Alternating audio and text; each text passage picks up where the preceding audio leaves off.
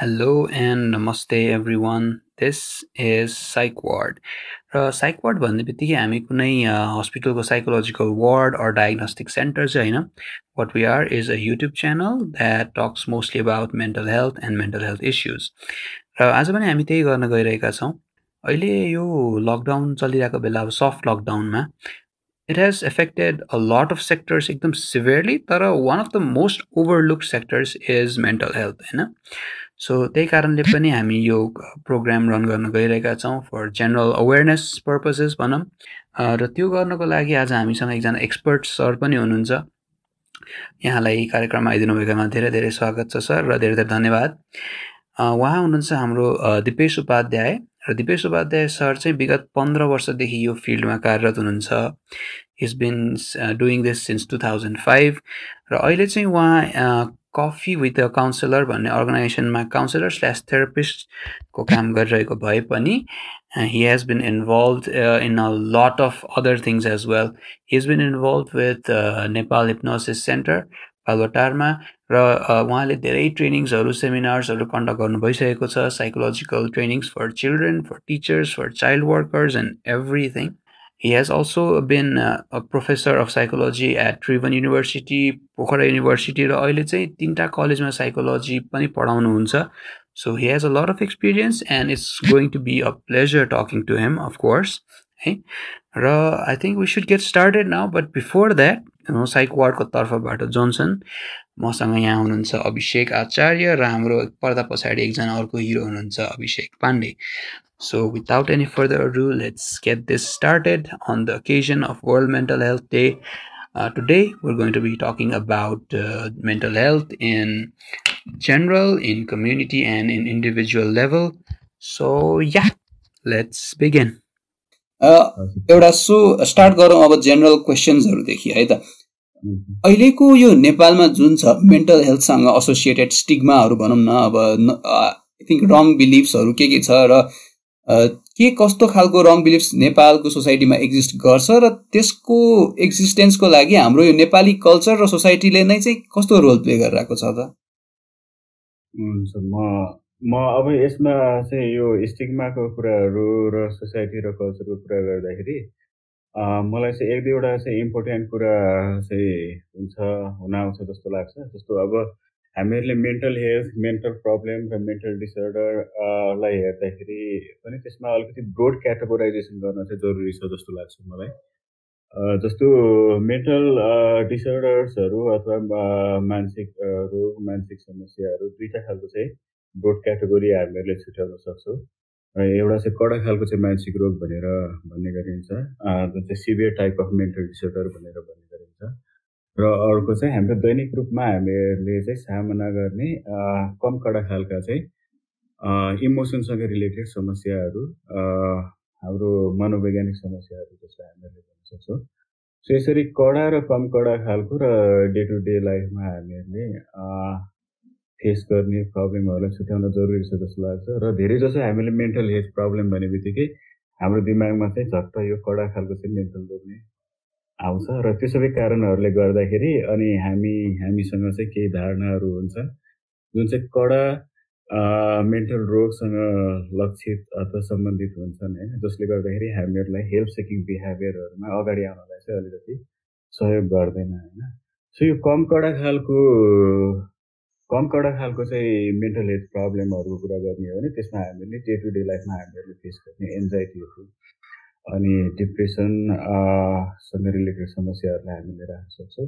अब त्यसको पनि फर्दर अरू अरू क्याटेगोरिजहरू चाहिँ हुनसक्छ र यस्तो खालको प्रब्लमहरू पनि क्रोनिक प्रब्लमहरू पनि हुनसक्छ एन्जाइटी र डिप्रेसनसँग रिलेटेड अनि स्टिङमाको कुरा गर्ने हो भने पक्कै पनि हाम्रो सोसाइटीमा स्टिङमा छ है। अनि स्टिङमा पनि अब मैले चाहिँ यसो हेर्दाखेरि इन जेनरल हेर्दाखेरि चाहिँ जस्तो स्टिङमा कहाँबाट आएको हो भनेर भन्दाखेरि त्यो अलिकति रुट खोज्दै जाँदाखेरि अनि हाम्रो सोसाइटीको जुन रुट छ त्यो रुट चाहिँ जस्तो अब मेल डोमिनेटेड होइन प्याट्रिआर्कियल सोसाइटी हो हाम्रो है। मेल डोमिनेटेड प्याट्रिआर्कीमा चाहिँ हामी हाम्रो सोसाइटी एकदमै धेरै बिलिभ गर्छ है? अनि अनि यसमा चाहिँ यस्तो खालको सोसाइटीमा चाहिँ के हुन्छ त भन्दाखेरि फ्यामिली नेमहरू इज्जत अनि त्यसपछि त्यो अनरको कुराहरूलाई एकदमै धेरै इम्पोर्टेन्स दिए दिइन्छ र व्यक्ति चाहिँ एकदमै धेरै आफू भित्रभित्र चाहिँ कठिनाइ भोगिराखेको हुन्छ।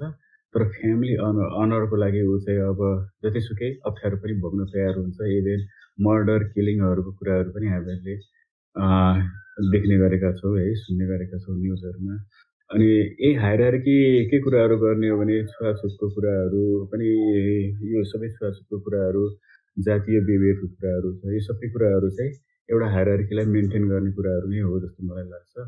अनि यो हायरार्की हायरार्की बेस सिस्टमको चाहिँ एउटा खासियत चाहिँ के हुन्छ एउटा चाहिँ क्यारेक्टर के हुन्छ त भन्दाखेरि यसले मेल डोमिनेटेड र प्याट्रियार्की भएको हुनाले यसले चाहिँ भलनरेबल जुन इमोसनहरू हामीसँग हुन्छ भलनरेबल इमोसनलाई लाई चाहिँ विकनेसको रूपमा लिन्छ है। सो भलनरेबल इमोसनहरू सो गर्नु भन्नुको अर्थ भलनरेबल इमोसनको बारेमा इमोसनको बारेमा पेनफुल इमोसनहरूको बारेमा कुरा कुरा गर्नु भन्नुको अर्थ चाहिँ के हो। त भन्दाखेरि विकनेस हो भन्ने खालको चाहिँ यो एउटा बुझाइ है यो एक किसिमको मान्यता हो। भनेर मैले भन्छु हाम्रो समाजमा हाम्रो सोसाइटीमा यो कुराहरूले चाहिँ जडा गारेर बसेको छ जसले गर्दाखेरि चाहिँ हामीलाई अगाडि आएर आफ्नो इमोसनहरूको बारेमा कुराकानी गर्न त्यति धेरै सहयोग चाहिँ गर्दैन रोक्छ भनौँ न। सो अहिले हामीसँग यति धेरै इस्युहरू छ मेन्टल हेल्थको नेपालमै अनि अहिले रिसेन्टली भर्खर नै सुसाइड हटलाइनहरू थपिएको छ नेपालमा। अनि यो सुसाइड हटलाइन पनि थपिनको लागि हामीलाई कोभिड नाइन्टिन पुर्न पर्यो। सो हामी के इक्विप छौँ यस्तो समस्याहरूसँग जुझ्नलाई अनि के यो हटलाइनहरूले मद्दत पुऱ्याइरहेको छ अहिलेको अवस्थामा? के लाग्छ हजुरले हटलाइनहरू पक्कै पनि हेल्प त हुन्छ है। हटलाइनहरू इस्टाब्लिस गरेर अब हेल्प हुँदैन नै भन्ने चाहिँ होइन। नेपालमा अलिकति यो मेन्टल हेल्थको अवेरनेस अलिकति ढिलै नै सुरुवात भएको हो है। अब जस्तो अब हामीहरूले थेरापीको काउन्सिलिङको कुराहरू गर्ने हो भने संसारमा अरू अरू देशहरूमा हुन त अब यो सबै वेस्टर्न कन्ट्रीहरूबाट आएको हो हामी कहाँ पनि होइन। डेभलपमेन्ट भन्ने प्रोसेस नै वेस्टर्न कन्ट्रीहरूबाट आएको हो। सो उनीहरूका चाहिँ अब लगभग एक सय वर्ष एक सय वर्षको इतिहास भइसक्यो होइन जहाँबाट सुरु भएको। नियर एबाउट एक सय वर्षको इतिहास भइसक्यो हामी कहाँ चाहिँ अब बल्ल यो माओइस्ट हामी कहाँ चाहिँ यो डिजास्टरको बेलामा हामीलाई अलिकति धेरै रियलाइज हुँदो रहेछ। हामी कहाँ भएको एजेन्सिजहरू अनि कन्सर्न पर्सनहरू गर्नेदेखि लिएर अरू अरू एजेन्सीहरू छन् उहाँहरूले चाहिँ उहाँहरूमा चाहिँ यो रियलाइजेसन डिजास्टरकै बेलामा चाहिँ धेरै मैले पनि पाएको छु है। जस्तो हामी कहाँ चाहिँ सुरु सुरुमा अब वी निड काउन्सिलिङ भन्ने खालको रियलाइजेसनहरू माओइस्ट वायरमा धेरै भयो। केही मात्रामा भयो भयो र केही एनजिओहरू चाहिँ यसमा काम गर्न थाले। अनि त्यसपछि चाहिँ नेपालमा अर्थक्वेक जुन टु थाउजन्ड फिफ्टिनमा भयो त्यसपछि चाहिँ केही मात्रामा गभर्मेन्टको सेक्टरहरूदेखि लिएर अरू सेक्टरहरूमा रियलाइज भयो। अनि त्यसपछि अहिले पेन्डामिकको बेलामा पनि अलिकति कोभिड नाइन्टिनको पेन्डामिकको बेलामा पनि गभर्मेन्ट सेक्टरदेखि लिएर अरूहरूमा रियलाइजेसन भएको छ। र कामहरू चाहिँ एकदमै धेरै हुन बाँकी छ जस्तो मलाई लाग्छ।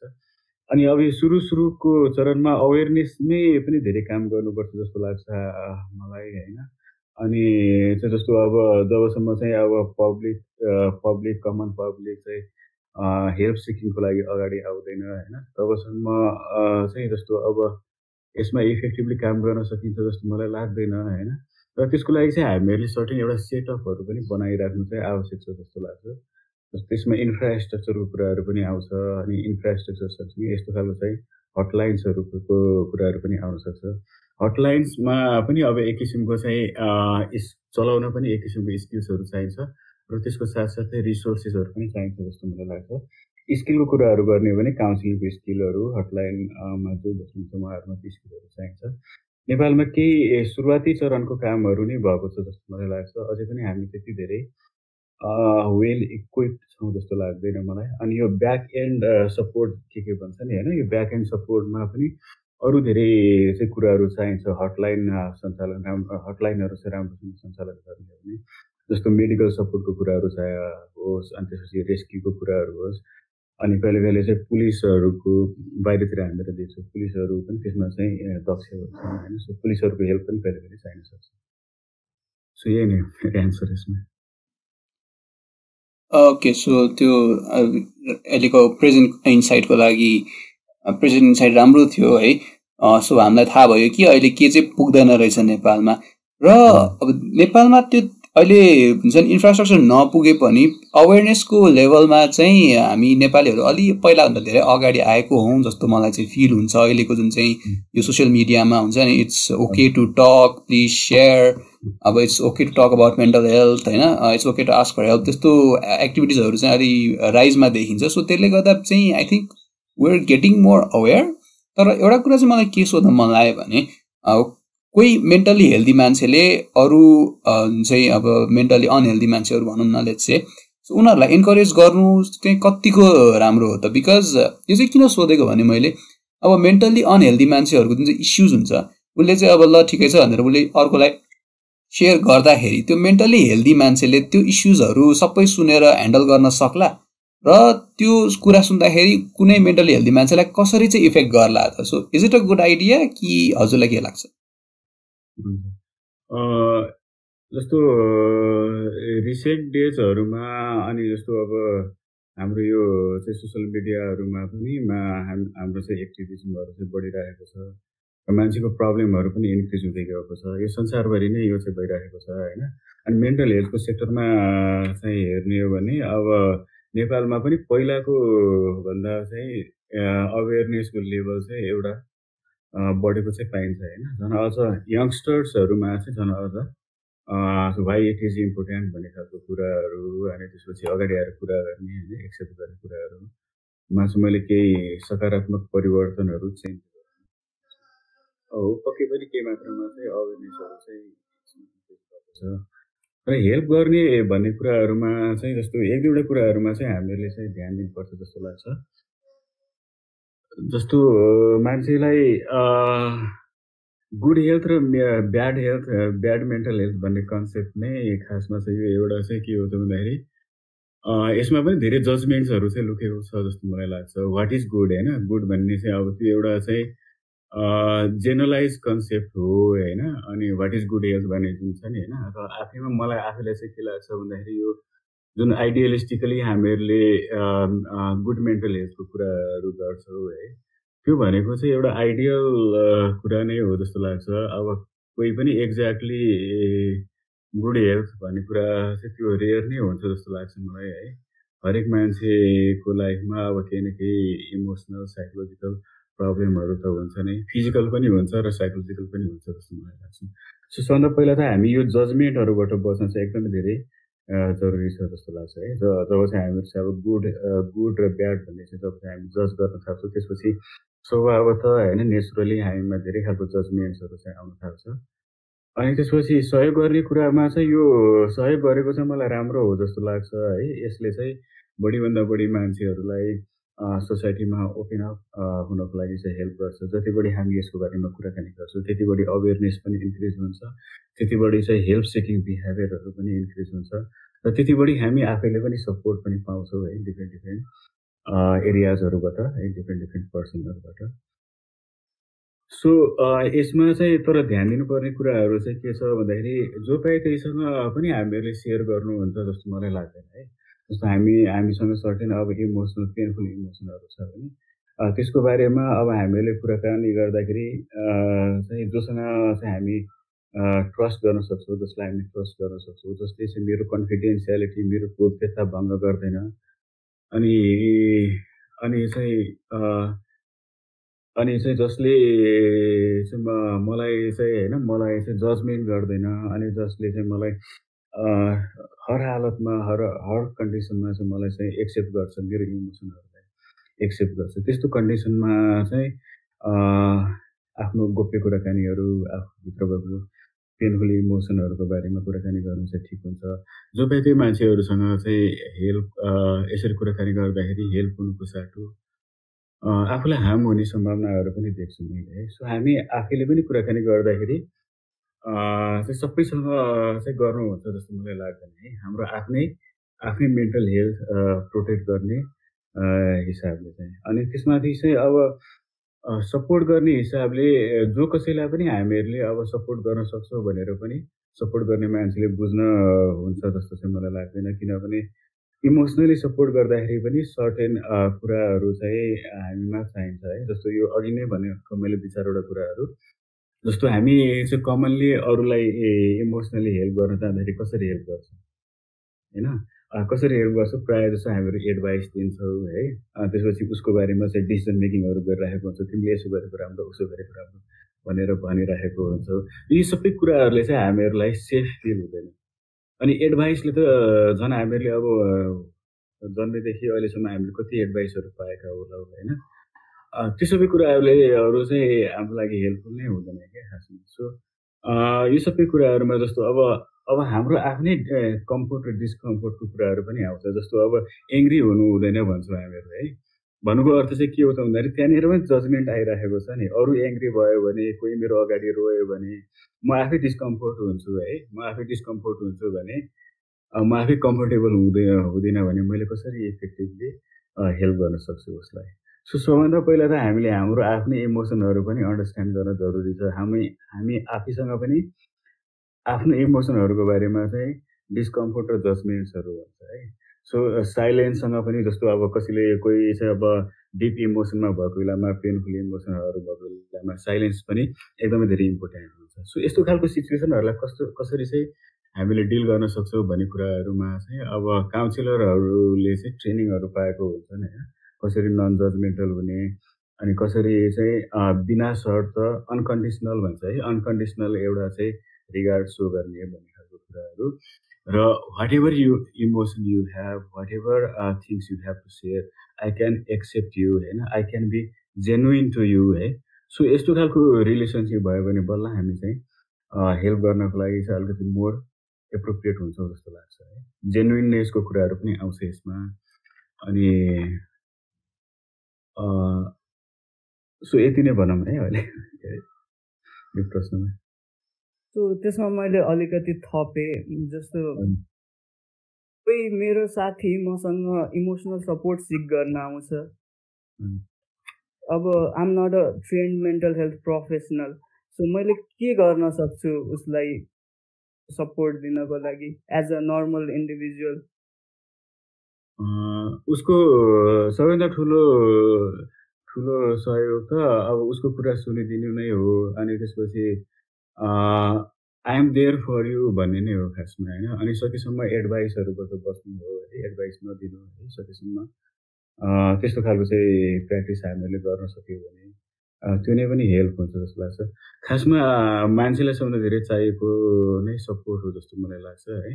सो सम्म somebody is there for me भन्ने सपोर्ट नै पनि एउटा ठुलो सपोर्ट हो हाम्रो आफ्नो लिमिटेसन बुझ्न पनि आवश्यक हुन्छ। धन अझ यो मेन्टल हेल्थ सेक्टरमा काम गर्ने मान्छेहरूले पनि है जस्तो धेरै चाहिँ साइकोलोजिकल प्रब्लमहरू सुन्दा सुन्दा धेरै चाहिँ मान्छेलाई पीडामा देख्दा देख्दा मान्छेमा चाहिँ ओभरवेल्मिङ इमोसनहरू पनि आउँछ है। त्यही भएर चाहिँ आफूले सक्ने भन्दा धेरै हेल्प गर्न चाहिँ हुँदैन जस्तो लाग्छ है मलाई। आफ्नो लिमिटेसन बुझ्न चाहिँ एकदमै धेरै आवश्यक छ। जस्तो कोरोनाको टाइममा पनि केही समय अगाडि एकजना डक्टर होइन जो चाहिँ एकदमै धेरै एक्टिभली केही मन्थ अगाडिको न्युज हो एकदमै धेरै एक्टिभली चाहिँ अरूको लाइफ सेभ गरिरहनु भएको थियो आफ्टर समटाइम सायद आफूमा चाहिँ यो प्रब्लम देखेपछि उहाँले चाहिँ सुसाइड कमिट गर्नुभयो है। यहाँनिर चाहिँ मेन मिस्टेक चाहिँ यही भयो जस्तो लाग्छ मलाई। Doctor who was saving others life why committed suicide भन्ने खालको कुराहरू हियो कि सियो मैले अब त्यति भएन है। सुसाइड भन्दाखेरि यहाँनिर मैले गेस गर्न सक्छु। यो इमोसनल ओभर बर्डेन चाहिँ भएको हुनुपर्छ। सायद हामीहरूले यो यो चाहिँ मेन्टल हेल्थ प्रोफेसन र यो यो अरूलाई सेभ गर्ने जुन प्रोफेसनहरू छ नि होइन? यो प्रोफेसनमा चाहिँ केही ग्यापहरू चाहिँ दिन आवश्यक छ। त्यहाँनिर चाहिँ गल्ती भयो जस्तो लाग्छ है मलाई त्यो डक्टरहरूको केसमा र मेडिकल प्रोफेसनलहरूको केसमा पनि यो गल्ती सायद हामीहरूले अहिले पनि फेरि गरिराखेको छौँ है अरू अरू ठाउँहरूमा पनि हाम्रो देशहरूमा पनि गरिराखेको छौँ। जो पनि यो यो चाहिँ डिजास्टरको उसमा अनि पेन्डामिकको केसमा काम गर्ने मान्छेहरू हुन्छ हुनुहुन्छ उहाँहरूले चाहिँ रेगुलरली ब्रेक लिन पनि जरुरी हुन्छ र आफूले सक्नेभन्दा धेरै हेल्प गर्न खोज्नु पनि प्रोब्लमेटिक हुनसक्छ जस्तो लाग्छ।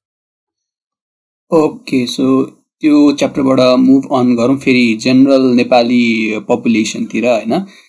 र अहिलेको जुन चाहिँ स्थितिमा अहिलेको स्थिति छ भने अहिलेको कन्डिसनमा चाहिँ अहिले the general population of Nepal भनौँ उनीहरूलाई चाहिँ मेन्टल हेल्थ इस्युजबारे के थाहा भइदियो हुन्थ्यो जस्तो लाग्छ। अब इस्युज छँदैछन् प्रब्लम्स छँदैछन् मिसइन्फर्म पनि छन् उनीहरू राम्रोसँग थाहा छैन बट अब के चाहिँ थाहा भइदियो हुन्थ्यो उनीहरूलाई? स्पेसली पेरेन्ट्सहरू भनौँ न अभिभावकहरू भनौँ जसको चाहिँ अब बच्चाहरूलाई के के भइरहेको हुन्छ बट बच्चाहरूलाई थाहा हुँदैन राम्रोसँग र पेरेन्ट्सले पनि एक्नोलेज गर्न खोजिरहेको हुँदैन नि त होइन? मेरो छोरा छोरी नर्मल छ। टाइपको बिहेभियर गरेर हुन्छ होला। सो उनीहरूलाई चाहिँ के थाहा भइदिए हुन्थ्यो जस्तो लाग्छ हजुरलाई? मलाई चाहिँ जस्तो मलाई अब यो मैले चाहिँ अब यो लाइफलाई चाहिँ हेर्दाखेरि जीवनलाई बुझ्दाखेरि होइन धेरै कुराहरू चाहिँ हामीहरूले हामी हामीहरूले चाहिँ यो एनिमलहरूबाट पनि धेरै कुराहरू चाहिँ सिक्न सक्छौँ है। सो प्यारेन्ट्सहरूलाई भन्दाखेरि अब हाम्रो चाहिँ अभिभावकहरूलाई भन्नुपर्दाखेरि जस्तो चाहिँ किन साइकोलोजिकल प्रब्लम हुन्छ भन्ने खालको कुराहरूमा केही मात्रामा चाहिँ अब प्यारेन्टिङको रोल पनि हुन्छ अनि त्यसपछि स्कुलिङहरूको पनि रोल हुन्छ। स्कुलिङ स्कुलको टाइममा पनि चाहिँ धेरै चाहिँ सपोर्टहरू चाहिँ एउटा बच्चाले प्रब्लम परेको बेलामा खोजिराखेको हुन्छ। त्यो सपोर्टहरू चाहिँ एभाइलेबल छ कि छैन भन्ने कुराहरू महत्त्वपूर्ण हुन आउँछ होइन? अनि त्यसपछि धेरै जस्तो साइकोलोजिकल प्रब्लमहरू इमोसनल प्रब्लमहरू चाहिँ एडोलेसेन्टको टाइममा हुन्छ होइन? अनि यो पिरियड जुन छ बच्चा जन्मेदेखि नै है एउटा बच्चा जन्मेदेखि नै उसको इमोसनल मेकअप पर्सनालिटीहरू चाहिँ कसरी हुन्छ त भन्दाखेरि अब यो बेसिक कुरा नै हो कि खासमा। जस्तो हामीहरूले चाहिँ एनिमलहरूलाई पनि हेऱ्यौँ भने एकैचोटि एनिमलहरू चाहिँ त्यो इन्भाइरोमेन्टमा होइन आउटसाइड इन्भाइरोमेन्टमा वाइल्ड इन्भाइरोमेन्टमा सर्भाइभ गर्न आउँदैन है। उसको प्यारे उसको चाहिँ जुन जन्म दिने उसको चाहिँ बाबुआमाहरू हुन्छ उनीहरूले एकैचोटि त्यो इन्भाइरोमेन्टमा चाहिँ लैजाँदैन सेम विथ ह्युमन बिङ पनि भन्छु है। म अनि यसमा चाहिँ जस्तो हामीलाई अब किन प्रब्लम हुन्छ भन्ने कुराहरूको रुट कजमा चाहिँ मलाई चाहिँ जान जरुरी छ जस्तो लाग्छ है। र यो कुराहरू चाहिँ हामीले बुझ्न जरुरी छ जस्तो लाग्छ। जस्तो बेसिक कुरा नै हो जस्तो अब जन्मेदेखि जन्मे जन्मिने बित्तिकैको केही महिनाहरूको पिरियडमा केही इयर्सहरूको पिरियडमा बच्चालाई के चाहिन्छ? है? बच्चालाई के चाहिन्छ? भन्दाखेरि एउटा चाहिँ सेफ्टी र सेक्युरिटीको कुराहरू नै हो। सेफ्टीको कुरा र बेसिक निडहरूसँग रिलेटेड कुरा हो। बेसिक निड उसको फुलफिल हुन्छ भने बेसिक निडमा अब खाने लाउनेदेखि लिएर निडहरूदेखि लिएर अलिकति वार्मको कुराहरू पनि हामीले राख्न सक्छौँ। कन्ट्याक्टको कुराहरू टचको कन्ट्याक्टको कुराहरू राख्न सक्छौँ। यो सबै कुराहरूले राख्न सक्छौँ। यो कुराहरू चाहिँ फुलफिल भएको छ है। र एउटा secure environment as a parent as a अभिभावक चाहिँ हामीले प्रोभाइड गर्न सके सके सक्छौँ भने त्यो बिस्तारै बिस्तारै गएर त्यो बच्चामा चाहिँ एउटा चाहिँ कन्फिडेन्स बिल्डअप चाहिँ हुन्छ है। कन्फिडेन्स बिल्डअप हुन्छ द्याट आई एम वान्टेड होइन I I am wanted by others specially in my immediate environment भन्ने खालको कुराहरू। र पछि पछि गएर चाहिँ यो नै उसको आफैले आफैलाई हेर्ने दृष्टिकोण पनि बनाइदिन्छ है? आफूले आफूलाई हेर्ने दृष्टिकोण पनि र आफूले संसारलाई हेर्ने दृष्टिकोण पनि। That the world is safe place है। संसार भनेको चाहिँ एउटा चाहिँ हो यसमा कठिनाइहरू छ तर यसको साथसाथै पनि यसमा केही गर्न सकिन्छ। भन्ने खालको चाहिँ एउटा यस्तो खालको चाहिँ दृष्टिकोण हामीभित्र बनिदिन्छ र यो कहाँबाट आउँछ त भन्दाखेरि मैले अघि भनेको जन्मेको केही मन्थहरूमा र केही वर्षहरूमा इनिसियल पिरियडमा बच्चाले चाहिँ सिक्योर फिल गर्न पाएको छ कि छैन सेफ फिल गर्न पाएको छ कि छैन। त्यो कुराहरू चाहिँ एकदमै धेरै इम्पोर्टेन्ट हो। यो बेसिक कुरा नै हो प्रोभाइड गर्न नसकिने कुराहरू पनि होइन होइन? तर मान्छेको केसमा हेर्ने हो भने मान्छेलाई चाहिँ अब यो अलिकति लामो समयसम्म चाहिँ सपोर्टहरू यस्तो खालको सपोर्टहरू चाहिँ चाहिन्छ है? द्याट यो सेक्योर खालको चाहिँ आफ्नो चाहिँ कुराहरू चाहिँ राख्न सक्ने वातावरणहरू र बेसिक निड फुलफिल गर्ने र सेफ्टी प्रोभाइड गर्ने कुराहरू नै धेरै इम्पोर्टेन्ट हो जस्तो लाग्छ है अहिलेलाई मैले यति भन्छु यो टपिकमा हामी मात्रै धेरैजना यो mental health mental health help seek गर्नको लागि लजाइराख्नु भएको हुन्छ डराइराख्नु भएको हुन्छ। उहाँहरूलाई के सुझाव दिन चाहनुहुन्छ हजुर? अनि यो लजाउने डराउने काउन्सिलर भनेर जानको लागि यो नेपालमा मात्रै सीमित छ कि यो इन्टरनेसनल फेनोमेनन नै हो?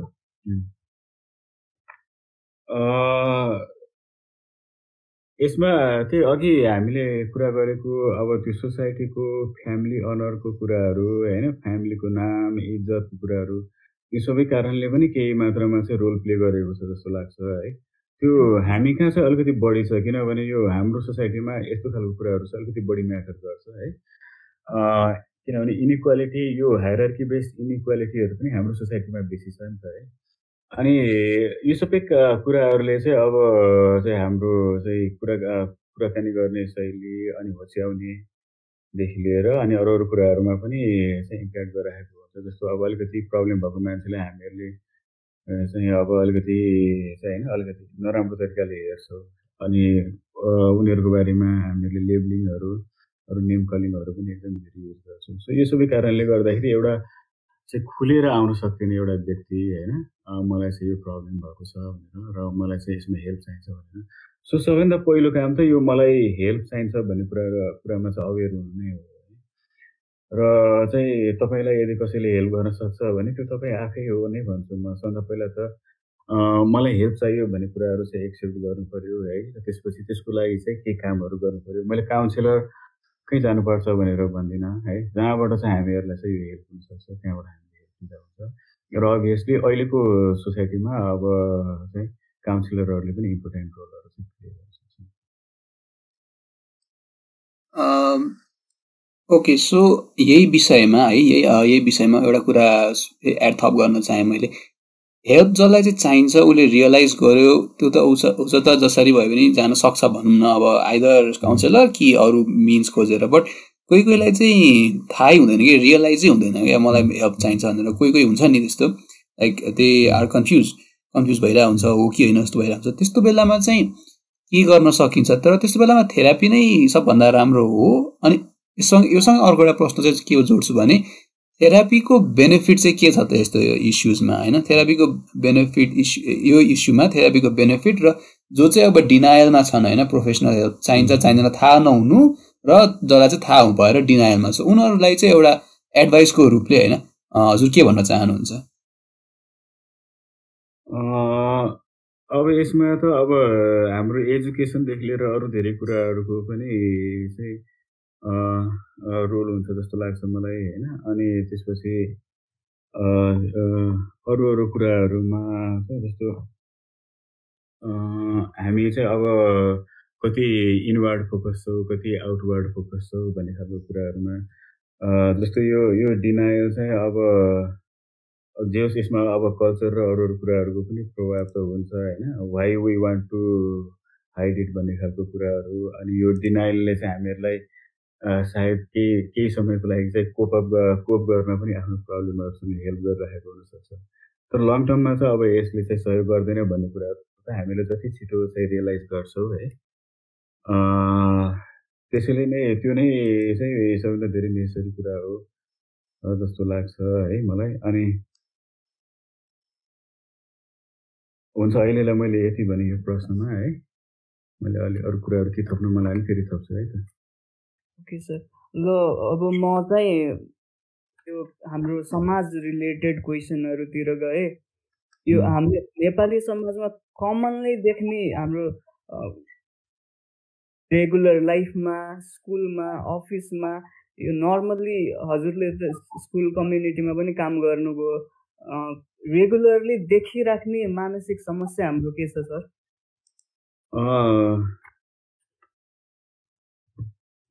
सबैभन्दा धेरै त अब त्यो संसारभरिकै ट्रेन्ड अब हामी कहाँ पनि हो होइन?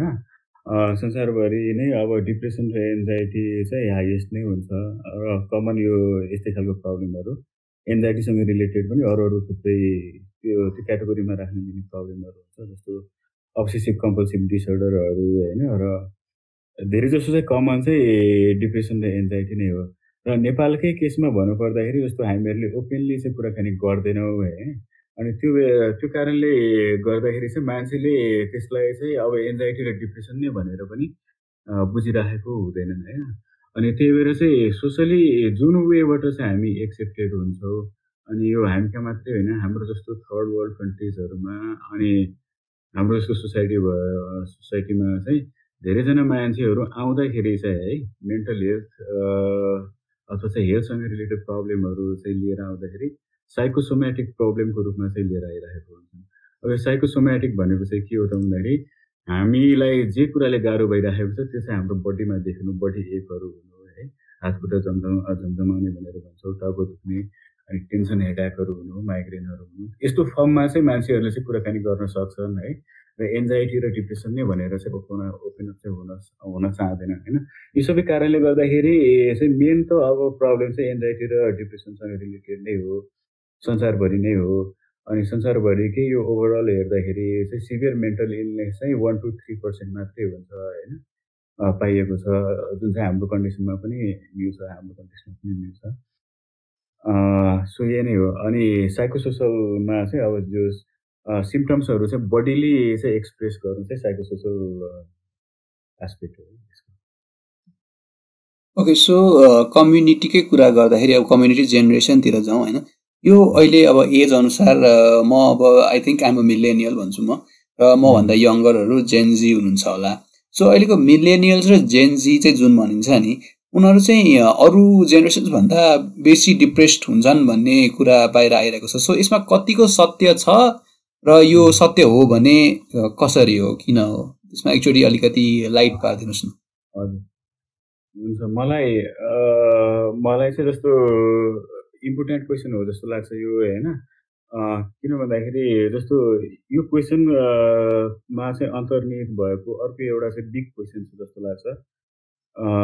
जुन क्वेसन चाहिँ हाम्रो समाज कतातिर जाँदैछ अथवा हाम्रो जेनेरेसन कतातिर जाँदैछ भन्ने कुराहरू पनि त्यहाँनिर चाहिँ जोडिएर आउँछ जस्तो मलाई लाग्छ है। अनि जस्तो चाहिँ हामीले चाहिँ अब जस्तो लार्जर पर्सपेक्टिभबाट चाहिँ हेर्दाखेरि हामी चाहिँ कतातिर जाँदैछौँ भन्ने कुराहरू है यो चाहिँ बिग क्वेसन हो जस्तो लाग्छ मलाई। जस्तो अब इन्टेलेक्चुअली अनि त्यसपछि इकोनोमिकली जे जति हामीहरू चाहिँ आइडियाजहरू हामीले फलो गरिराखेको छौँ त्यो वेस्टर्न सिभिलाइजेसन को आउटपुट भन्छु मैले है त्यसैलाई चाहिँ हामीले फलो गरिराखेको छु। र यसको एउटा चाहिँ मेन क्यारेक्टरिस्टिक्स चाहिँ के हो त भन्दाखेरि इकोनोमिकली सक्सेसफुल हुने है एउटा करियरमा अथवा चाहिँ जेसुकै भनौँ कम्पिटेटिभ हुने इकोनोमिकली एकदमै धेरै सक्सेसफुल हुने अनि मोर एन्ड मोर गुड्सहरू प्रोसेस गर्ने होइन र चाहिँ कम्पेयर पनि गर्ने आफूलाई। र यो यसमा झन् अझ थपेको चाहिँ सोसियल मिडियाहरूमा पनि कम्पेरिजनहरू जुन लाइफ चाहिँ सो गरिएको हुन्छ त्यो चाहिँ रियल लाइफ हुँदैन। र पनि हामी चाहिँ त्यो चाहिँ अब पाउनको लागि हामीहरू चाहिँ एकदमै धेरै तत्पर भइरहेको हुन्छ। अनि यो डेभलपमेन्टको चाहिँ मिसबेनिफिट भन्छु है मैले यो। डेभलपमेन्ट सँगसँगै इकोनोमिक प्रोग्रेस सँगसँगै यो हाम्रो सोसाइटीको जुन बेसिक कुराहरू छन् बेसिक एउटा चाहिँ जराहरू छ त्यो जराहरूमा पनि प्रहार भइरहेको छ जस्तो लाग्छ मलाई। जस्तो चाहिँ एक्जाम्पलको लागि तपाईँहरूले कुनै पनि फेरि एनिमल किङडमसँग पनि म जोड्छु कि सबै कुराहरू। कुनै पनि चाहिँ एनिमल किङडमहरू एनिमलहरू चाहिँ हेर्नुभयो भने है कुनै पनि एनिमल चाहिँ आइसोलेसनमा सर्भाइभ गर्दैन है। एनिमलहरू प्राय ग्रुपमा हेर्नुको कारण चाहिँ त्यो ग्रुपले चाहिँ के गर्छ त भन्दाखेरि एउटा प्रोटेक्सन एउटा सेक्युरिटी प्रोभाइड गर्छ। र ग्रुपबाट अलग हुनु भन्नुकै अर्थ चाहिँ के हो त भन्दाखेरि ग्रुपबाट अलग हुनु भन्नुकै अर्थ पनि के हो त भन्दाखेरि अलिकति मोर रिस्क चाहिँ इन्क्रिज हुनु हो। है र यो रिस्कको कारणले गर्दाखेरि अलिकति यो प्यानिकी एन्जाइटी स्ट्रेस चाहिँ बढ्नु हो है। If I'm I'm away from my group so यो सबै कुराहरूलाई चाहिँ हेर्ने हो भने हाम्रो फ्यामिली सिस्टम चाहिँ टु तोडिँदै गइरहेको छ होइन? जुन हामी फ्यामिली सिस्टम हेर्दैछौँ मान्छेको लाइफ हेर्नुहरू हेर्दैछौँ मोर एन्ड मोर इन्डिभिजुअलिस्टिक हुँदैछ मोर एन्ड मोर आइसोलेसनहरू चाहिँ हुँदैछ। यो सबै हुनुको अर्थ चाहिँ के हो त भन्दाखेरि मोर एन्ड मोर हामी मटेरियलिस्टिक हुँदैछौँ। र यसको अल्टिमेट अल्टिमेट आउटकम चाहिँ के हो त भन्दाखेरि डिस्कनेक्सनहरू चाहिँ हुँदैछ। हाम्रो अरू लिभिङ बिङहरूसँग पनि डिस्कनेक्सनहरू हुँदैछ र हाम्रो हामी आफैसँग पनि डिस्कनेक्सन डिस्कनेक्सनहरू चाहिँ इन्क्रिज हुँदैछ है। यो सबै कारणहरू र यसको साथसाथै यो सोसियल मिडियाहरूको कारणले गर्दाखेरि मान्छेको स्लिप प्रब्लमहरू पनि एकदमै धेरै इन्क्रिज हुँदैछ। बेसिक कुरा पनि हो स्लिप होइन। बेसिक कुराहरू नै हाम्रो चाहिँ फुलफिल भएन भने यसले अभियसली हामीलाई चाहिँ स्ट्रेसमा अप्ठ्यारोमा र एन्जाइटीमा चाहिँ पार्छ। जस्तो ल्याक अफ स्लिपको कुराहरू गर्दाखेरि यो मिडिया अहिले चाहिँ मैले चाहिँ धेरै देखेकोमा हुन त म आफै पनि युज गर्छु नगर्ने चाहिँ होइन। तर एउटा प्रब्लम चाहिँ यो चाहिँ ल्याक अफ स्लिप पनि इन रिसेन्ट इयर्स हो सो यो सबै कारणहरूले गर्दाखेरि जस्तो हाम्रो फ्यामिली सिस्टम टुट्दै गयो अनि सोसल सपोर्टहरूबाट चाहिँ हामी अलग हुँदै गयो अनि मोर एन्ड मोर आइसोलेट हुँदै गयौँ है अनि मोर एन्ड मोर इन्डिभिजुअलिस्टिक हुँदै गयौँ। भन्नुको अर्थ हामी सर्भाइभल मोडमा चाहिँ चाहिँ जाँदै गयौँ कि। यो सर्भाइभल मोडमा चाहिँ के हुन्छ भन्दाखेरि त्यही बढी स्ट्रेस बढी प्यानिकी हुन्छ होइन। सो यो सबै कारणले गर्दाखेरि मलाई लाग्छ यो रिसेन्ट इयर्सहरूमा चाहिँ अलिकति बढी देखेको है अहिले सर यो जस्तो जो जो मेन्टल हेल्थ डिसअर्डरसँग सफर गरिरहनु भएको छ युथ उहाँहरू अलि एजिटेटेड हुनुहुन्छ हुन्छ नि अलिकति एङ्गर इस्युजहरू हुन्छ होला उहाँमा सबैमा नै कसैमा हुन्छ होला। अनि अब उहाँहरूको प्यारेन्ट्स र टिचर्सले डिल गर्ने एउटा तरिका के छ भने कुड दिने corporal punishment is a thing त्यो प्यारेन्ट्स र टिचर्सहरूलाई के सुझाव दिन चाहनुहुन्छ हजुर? यो रुट कजहरूको चाहिँ कारण कुराहरू चाहिँ गर्दाखेरि नि होइन रुट कजको कुराहरू गर्दाखेरि अब यसमा यो हाम्रो सोसाइटीमा चाहिँ अब के फाइदा के फाइदा होइन? पहिलाको सोसाइटीको चाहिँ बेफाइदाहरू टुट्दै गएको कुराहरू चाहिँ मैले गरेँ होइन? कसरी चाहिँ हाम्रो चाहिँ हाम्रो चाहिँ रुट्सहरूमा चाहिँ प्रहार हुँदैछ अथवा चाहिँ त्यो चाहिँ डाइभर्ट हुँदैछ भन्ने खालको कुराहरू गरेँ। तर यसको साथसाथै है केही बेफाइदाहरू पनि छ हाम्रो जस्तो सोसाइटीमा जुन चाहिँ हामीहरूले अघि पनि भने प्याट्रियार्कल सोसाइटी डोमिनेटिङ डोमिनेटिङ होइन। डोमिनेट गर्ने अनि त्यसपछि हायरआर्की बेस सोसाइटी जुन हामीले कुरा गर्दैछौँ।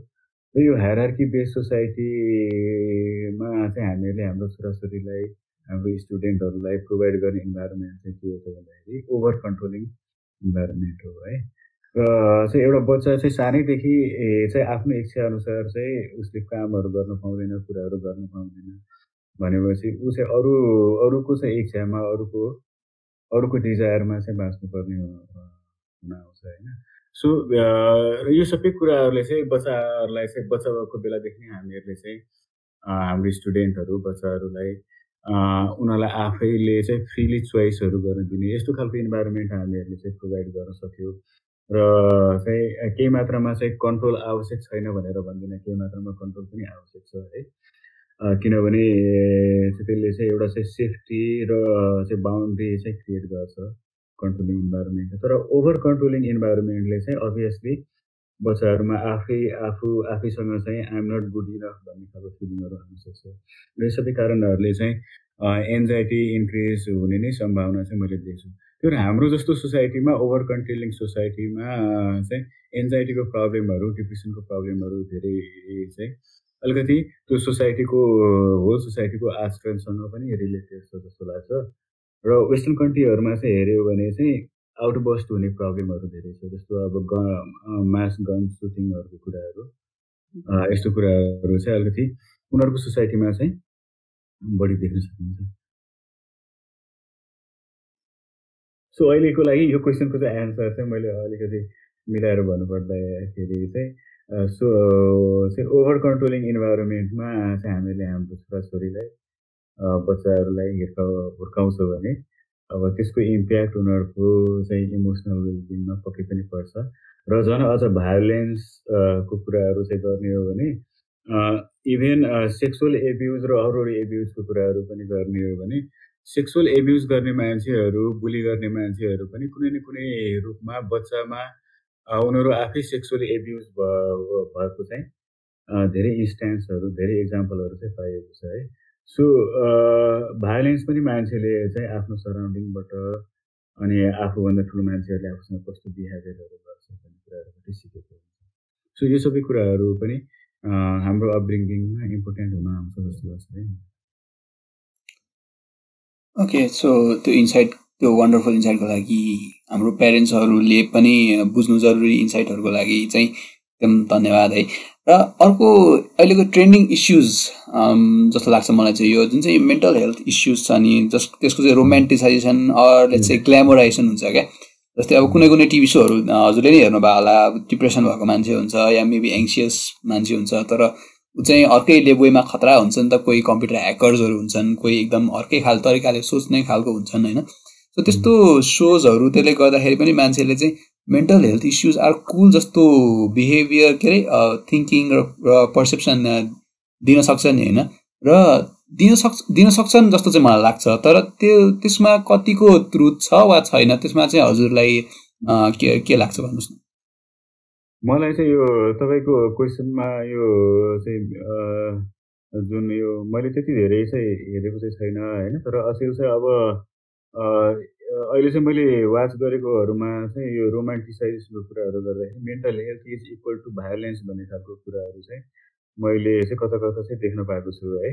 जस्तो चाहिँ मैले त्यो रोबोट भन्ने फिल्म चाहिँ हेरेको छैन। यो जोकर भन्ने फिल्म चाहिँ हेरेको छु। तर त्यसमा टु मच भायोलेन्स छ जस्तो लाग्छ। अनि यसको मेन यसले चाहिँ दिने अब भर्बली नदेला होइन तर साइकोलोजिकली यसले के सन्देश दिइराखेको छ त भन्दाखेरि त्यही mental health is equal to violence भन्ने खालको कुराहरू जुन चाहिँ साँचो होइन है। जस्तो अब हामीहरूले अघि पनि कुराकानी गऱ्यौँ है मेन्टल हेल्थ प्रब्लममा पनि तपाईँको वान टु थ्री पर्सेन्टमा लाई मात्रै सिभियर मेन्टल इलनेस हुन्छ। अनि त्यो सिभियर इन्टेल मिल्ने इलनेसको पनि त्यही वान टू वान पर्सेन्टकै आसपासमा मात्रै अलिकति भायोलेन्ट बिहेभियरहरू कसै कसैले मात्रै सो गर्छ। सो रेयर हुन्छ है भायोलेन्स भन्ने कुरा।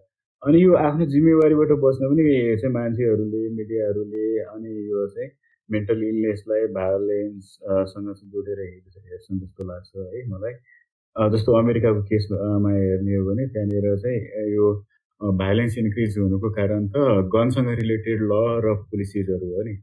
तर त्यहाँको पोलिसी मेकरले चाहिँ त्यसलाई चाहिँ केसँग जोडिराखेको छन् त भन्दाखेरि मेन्टल हेल्थसँग लगेर चाहिँ जोडिराखेको छन्। यसको साथसाथै अनि मिडियाको लागि चाहिँ सोसियल मिडियाहरूको लागि चाहिँ यो भायोलेन्ट कन्टेन्टहरू चाहिँ एउटा एकदम ह्युज मार्केट हो जस्तो लाग्छ मलाई है। सो यो ह्युज मार्केट चाहिँ हो र त्यही अनुसार चाहिँ उहाँहरूले चाहिँ अलिकति अलिकति त्यसमा चाहिँ फिक्सनलाइज गरेर त्यो कुराहरू चाहिँ प्रस्तुत गर्नुहुन्छ जस्तो लाग्छ है। अनि त्यस त्यही त्यही एउटा चाहिँ क्यास इन गर्नको लागि पनि त्यो मार्केटसँग पहुँच बनाउनको लागि पनि यो कुराहरू चाहिँ भएको हुनसक्छ जसले चाहिँ मलाई भ्रम नै सिर्जना गरेको छ जस्तो लाग्छ। र अर्को चाहिँ यसले स्टिकमा झन अझ इन्क्रिज गरेको छ जस्तो लाग्छ है। यसले बाहेक अब कतै कतै चाहिँ अब कुनै कुनै मिडियाहरूमा कुनै कुनै का कार्यक्रमहरूमा अब रियलिस्टिकली पनि पोर्ट्रे पनि भएको छ है। त्यसलाई पनि मैले निकाल्न सक्दिनँ मेन स्ट्रिम मिडियामा चाहिँ त्यो चाहिँ मैले त्यति धेरै देखेको छैन। ओके अब हजुरको एक्सपिरियन्सको बारेमा कुरा गरौँ न। त्यो हजुरले एज अ काउन्सिलर काम गर्नुभयो। मैले रिसेन्टली एउटा बुक पढिरहेको थिएँ Lori गटलिपको maybe you should talk to someone अनि त्यो बुकमा चाहिँ कस्तो लेखेको छ भने क्लाइन्टहरूले चाहिँ थेरापिस्ट चाहिँ पर्फेक्ट हुनुपर्छ भनेर सोध्छन् रे क्या हुन्छ नि? लाइक उनीहरूमा चाहिँ कुनै मेन्टल हेल्थ इस्यु नै हुनुहुन्न भन्ने सो त्यो एउटा स्टिगमा छ। अनि लाइक हजुरको आफ्नो पर्सनल मेन्टल हेल्थसँगको स्ट्रगल एक्सपिरियन्स केही सेयर गर्न चाहनुहुन्छ भने? हस् धन्यवाद यो क्वेसनको लागि। अनि यसमा चाहिँ मलाई चाहिँ जस्तो काम गर्नुपर्छ जस्तो मलाई आफैलाई पनि लाग्छ होइन? अनि म आफै पनि अलिकति बढी ओपन अप हुनुपर्छ जस्तो लाग्छ। र साइकोलोजीमा आउने धेरै मान्छेहरू सबै मान्छे त म भन्दिनँ है? धेरै धेरै मान्छेहरू जसबाट म आफै पनि प्रभावित भएको छु है? उहाँहरूकै पास्टहरूमा हेऱ्यो भने अब मोटिभेटिङ फ्याक्टर चाहिँ उहाँहरूको लागि उहाँ उहाँहरूको आफ्नै मेन्टल हेल्थ कन्डिसनहरू पनि हुनसक्छ जस्तो चाहिँ मलाई लाग्छ है? जस्तो हामीले सिगमन फ्रोइड पनि हेऱ्यौँ भने डिप्रेसनको कुराहरू देख्छौँ उहाँको लाइफमा है डिप्रेसनसँग चाहिँ ब्याटल गरेको पछिको लाइफमा। अनि चाहिँ सिग्मन फ्रोइड पछिको अर्को चाहिँ मेजर प्रोमिनेन्ट त्यो बेलाको साइको एनालिस्ट भनेको कार्ल युङहरूदेखि लिएर अरू अरू थुप्रै इभेन मैले रिसेन्टली केही बुकहरू पढेको थिएँ त्यहाँनिर चाहिँ भएको साइकेट्रिस्टहरू चाहिँ किन साइकेट्री नै चुज गरेको भन्दाखेरि आफ्नै प्रब्लमहरूलाई बुझ्न र डिल गर्न भन्ने खालको कुराहरू पनि मैले पढिरहेको थिएँ। सो मेरो केसमा पनि यो लागु हुन्छ है। म आफै पनि यो फिल्डमा यतिकै सुरुदेखि नै चाहिँ आएको होइन। जब मैले चाहिँ स्ट्रगल फिल गर्न थालेँ मेन्टली आफूलाई इमोसनली डिफिकल्ट भएको चाहिँ महसुस गर्न थालेँ है। अनि त्यो कारणले गर्दाखेरि चाहिँ कलेज इयर्सहरू चाहिँ मा चाहिँ मलाई अलिकति एन्जाइटीको प्रब्लम थियो। पब्लिक स्पिकिङको एन्जाइटीको प्रब्लम थियो। अनि चाहिँ लामो समयसम्म कन्टिन्यू भयो। अनि त्यसपछि म टेन इयर्सको हुँदाखेरि मदरको डेथ भएको थियो र त्यो कुरालाई पनि मैले एकदमै ओभर ड्र्याग गरेँ जस्तो लाग्छ। सायद अब त्यो बेलासम्म हाम्रो सोसाइटीमा त्यो एउटा चाहिँ सपोर्ट थिएन पनि होला काउन्सिलिङको थेरापी आजको कन्डिसनमा पनि थिएन है। आजकै कन्डिसनमा पनि एकदमै धेरै डेभलप भइसक्यो भनेर म भन्दिनँ। अझै हामी काउन्सिलिङको एबिसिडीमै छौँ जस्तो लाग्छ मलाई है। सो यो सबै कारणले गर्दाखेरि चाहिँ यो मदरको डेथको जुन ट्रमा छ त्यसलाई मैले चाहिँ more than two tickets carry गरेँ है। यो भनेको चाहिँ एकदमै धेरै ह्युज इम्प्याक्ट हो जस्तो मलाई लाग्छ। अनि I was also dealing with my father who was very much dominating होइन। अनि नार्सिस्टिक उहाँको नार्सिस्टिक इन्भाइरोमेन्टमा उहाँसँग डिल गर्नु पऱ्यो यो सबै कारणहरूले गर्दाखेरि मेरो चाहिँ अब त्यही अघि मैले भनेको जस्तो एउटा जुन चाहिँ कलेजको इयर्सहरूमा एडोलेसेन्टको एन्डेन्डतिर चाहिँ मलाई धेरै डिफिकल्टीहरू प्यानिकहरू चाहिँ मेनली सोसल सिचुएसनमा चाहिँ मैले फिल गर्न थालेको थिएँ है। अनि यो वर्थलेस योसँग चाहिँ अब feeling of worthlessness unsuccessful in career career भन्ने कुराहरू प्यानिक एन्जाइटीको कुराहरू अनि चाहिँ डिप्रेसन पनि भयो भएको थियो। अनि त्यसपछि मैले चाहिँ एउटा पोइन्ट अफ टाइममा चाहिँ मैले गएर रियलाइज गरेँ होइन द्याट आई निड सपोर्ट भनेर। त्यसपछि त्यो बेलामा मैले टियुटिएसमा टिचिङ हस्पिटलमा चाहिँ गएर मैले एकजना साइकेटिस्टलाई भेटेँ। अनि त्यसपछि चाहिँ मैले चाहिँ आफ्नो साइकोलोजीमा चाहिँ वर्क गर्न थालेको है अनि फ्यामिलीमा पनि मेन्टल हेल्थ इस्युजहरू चाहिँ छ मेरो। अनि यो सबै कुराहरू चाहिँ म आज चाहिँ किन गरिराखेको छु भन्दाखेरि ओपेनली जति बढी चाहिँ हामीहरू म मात्रै होइन जति बढी चाहिँ हामीहरू यसको बारेमा चाहिँ कुराकानी गर्छौँ त्यति बढी नै हामीहरूलाई यो कुराहरू चाहिँ एक्सेप्ट गर्न गएर सजिलो हुन्छ जस्तो चाहिँ मलाई लाग्छ है।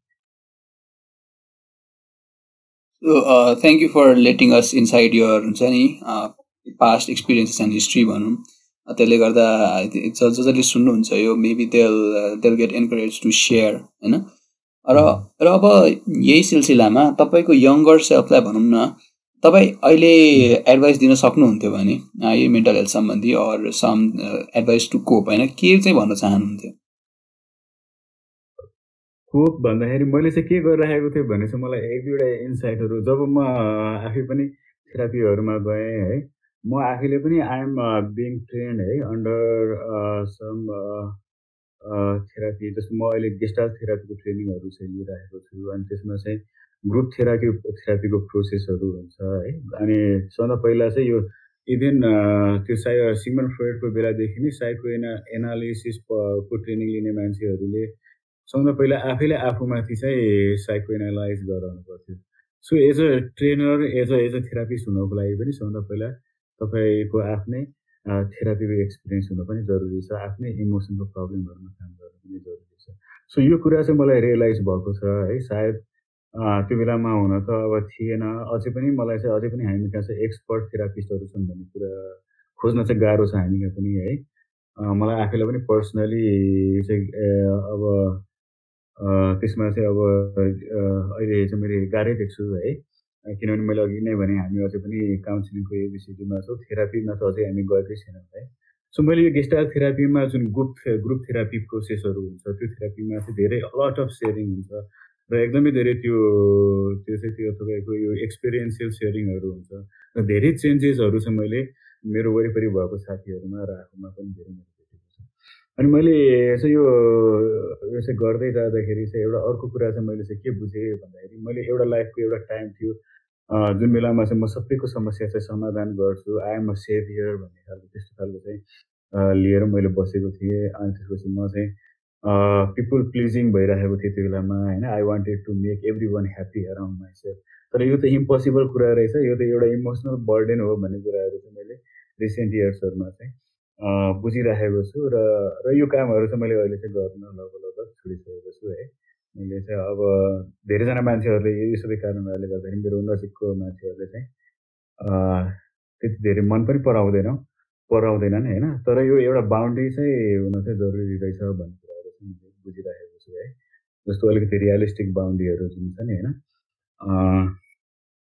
अरूलाई हेल्प गर्ने पनि त्यो सेभियरको जुन एउटा छ होइन त्यो त्यो त्यो खालको चाहिँ कुराहरूमा अनि पिपुल प्लिजिङ भन्ने कुराहरूमा चाहिँ सायद मैले के इन्साइट्सहरू चाहिँ म त्यो बेलामा लिन्थेँ होला यो अपर्च्युनिटी पाएको खण्डमा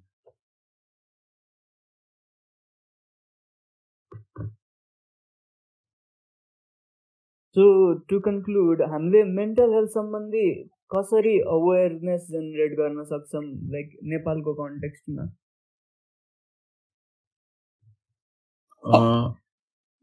अवेरनेस त अब जति बढी चाहिँ यसको बारेमा हामीले कुराकानी गर्छौँ जति बढी अगाडि आउँछौँ ओपन अप हुन्छौँ त्यसले हामीलाई त्यति नै बढी चाहिँ अगाडि आउनको लागि हेल्प गर्छ नि त होइन? प्रब्लमहरू चाहिँ एक्सेप्ट गर्नको लागि हेल्प गर्छ।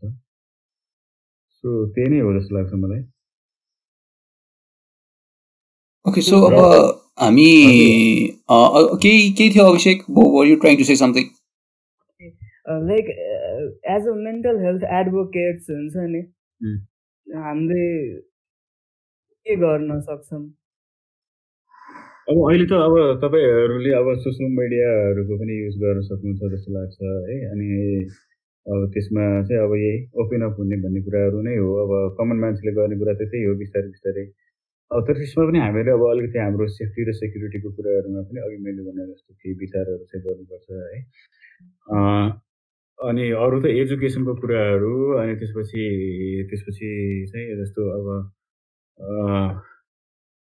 एजुकेसनको कुराहरू पनि आउँछ सोसाइटीको रोलहरू पनि छ जस्तो लाग्छ मलाई। अनि गभर्मेन्टको कुराहरू पनि आउँछ जस्तो लाग्छ जस्तो अब इन्फ्रास्ट्रक्चर अझै पनि अब छैन नि होइन हाम्रो देशमा। अनि त्यसपछि फ्यामिली सके फ्यामिलीमा अब त्यस्तो खालको चाहिँ इन्भाइरोमेन्टहरू चाहिँ अब क्रिएट गर्न सक्छौँ कि है? किनभने अब सपोर्ट पनि सबभन्दा धेरै सबभन्दा हाम्रो लागि महत्त्वपूर्ण सपोर्ट पनि फ्यामिलीबाटै हो होइन? जुन मैले इनिसियल पिरियडहरूको चाहिँ हाम्रो अर्ली लाइफको कुराहरू गरेको थिएँ। सबभन्दा इम्पोर्टेन्ट सहयोग त फ्यामिलीकै हुन्छ र र पनि अब अरूले जे जस्तो सहयोग गरे पनि फ्यामिलीमा चाहिँ हाम्रो त्यस्तो खालको चाहिँ एक्सेप्टिङ इन्भाइरोमेन्ट छैन भने अगेन फेरि ब्याक टु द सेम हुन्छौँ हामी है? सो फ्यामिली इन्भाइरोमेन्टदेखि लिएर स्कुल इन्भाइरोमेन्टकोमा पनि हामीले सायद धेरै कामहरू गर्न सक्छौँ। यो मैले मेरो इन जेनरल एन्सर आइरहेको छ यसमा होइन? स्पेसिफिक आइरहेको छैन। इन्डिभिजुअलले के गर्न सक्छ भन्ने कुराहरूमा चाहिँ यो ओपन अप हुने भन्ने कुराहरू सोसियल मिडियाहरूको थ्रुबाट अरू आफ्नो जे ज जति पहुँच छ त्यस्तो कुराहरू चाहिँ भयो। र अरू बिगर सोसाइटीमा हेर्दाखेरि चाहिँ यही नै कुराहरू हुनसक्छ होइन? अनि यसमा चाहिँ एजुकेसन ट्रेनिङको कुराहरू पनि चाहिँ महत्त्वपूर्ण हुन आउँछ जस्तो लाग्छ है ओके सो अब हामी अन्त्यमा आइसकेका छौँ भनौँ होइन सर अब हजुरले यति धेरै जानकारी दिनुभयो र नलेज दिनुभयो हामीलाई र अब यो सबै कुरा टुङ्गाइदिनलाई अरू केही थप्न चाहनुहुन्छ हजुर मोरलेस धेरै कुराहरू त आइसक्यो नै जस्तो लाग्छ मलाई है अनि यसमा चाहिँ जस्तो मलाई चाहिँ जस्तो लास्टमा भन्नु नै पऱ्यो भने चाहिँ एउटा कुरा चाहिँ मलाई चाहिँ के भन्नु मन लागेको छ भन्दाखेरि जस्तो हामीहरूले फिजिकल प्रब्लमहरू हामीले हुँदाखेरि हामी कति चाहिँ डाक्टरकोमा चाहिँ नहिचि नहिचकिचाइकन चाहिँ कन्सल्ट गर्न चाहिँ तयार हुन्छौँ है। जिन्दगीभर औषधि खान तयार हुन्छौँ जस्तो डायबिटिजको लागि हाई ब्लड प्रेसरको लागि जिन्दगीभर नै हामी औषधि खान तयार हुन्छौँ। तर यो मेन्टल हेल्थ भन्ने बित्तिकै हामीले चाहिँ अब यो फ्यामिलीको अनर इज्जत नेमसँग जोडेको हुनाले हुनसक्छ सायद हामी चाहिँ हामी चाहिँ अब यसमा चाहिँ हेल्प सिक गर्न पनि तयार हुँदैनौँ। उस्तै त हो नि जस्तो लाग्छ है। मलाई जस्तो अब यो ब्रेनसँग रिलेटेड सिस्टम हो है। अब हाम्रो चाहिँ दिमागसँग रिलेटेड सिस्टम हो। जसरी एउटा फिजिकल सिस्टम हुन्छ त्यसै गरी एउटा चाहिँ हाम्रो यो ब्रेनसँग रिलेटेड सिस्टम पनि हुन्छ। र त्यो पनि कहिले कहिले अफ ब्यालेन्स हुनसक्छ भन्ने कुराहरू चाहिँ हामीहरूले जति छिटो चाहिँ अब रियलाइज गर्छौँ र हेल्प सिक गर्नको लागि अगाडि आउँछौँ तयार हुन्छौँ त्यति बढी नै यो कुराहरूले चाहिँ हामीलाई हेल्प गर्छ जस्तो लाग्छ है। ओके सो यसरी गर्दाखेरि नै हामी चाहिँ हाम्रो लेट्स से पडकास्टको अन्त्यमा आइसकेका छौँ होइन? सरले धेरै जानकारी दिनुभयो हामीलाई पनि अब मलाई मलाई पनि धेरै नै मैले धेरै कुरा सिकेँ कि मलाई पहिला यस्तो यति कुरा केही थाहा पनि थिएन होइन? हजुरले न्यु न्यू इन्साइट्स दिनुभयो सो हाम्रो जो जसले सुन्नुहुन्छ भ्युवर्सहरू लिसनर्सहरू उहाँले पनि पक्कै पनि थाहा पाउनुहुनेछ। सो यसको लागि धेरै धेरै धन्यवाद सर। हामीले भनेर छोटो समयमा आइदिनु भयो त्यसको लागि पनि धेरै धेरै धन्यवाद। र अहिलेलाई चाहिँ यो पोडकास्ट पनि सघाउनु पर्ला। So this is the end okay thank you sir. है त ल अब हामी एन्ड गरौँ। हुन्छ तपाईँहरूलाई पनि धेरै धेरै धन्यवाद भन्न चाहन्छु। मलाई होइन यसरी चाहिँ आफ्नो केही कुराहरू चाहिँ अब सोसाइटीमा कसरी पुर्याउन सकिन्छ भन्ने भन्नको लागि एउटा माध्यम पनि भइदिनु भयो। त्यसको लागि पनि धेरै धेरै धन्यवाद दिन चाहन्छु। र जसरी तपाईँहरूले यो अवेरनेसको उसमा काम गरिरहनु भएको छ त्यो पनि मलाई खुसी लाग्छ।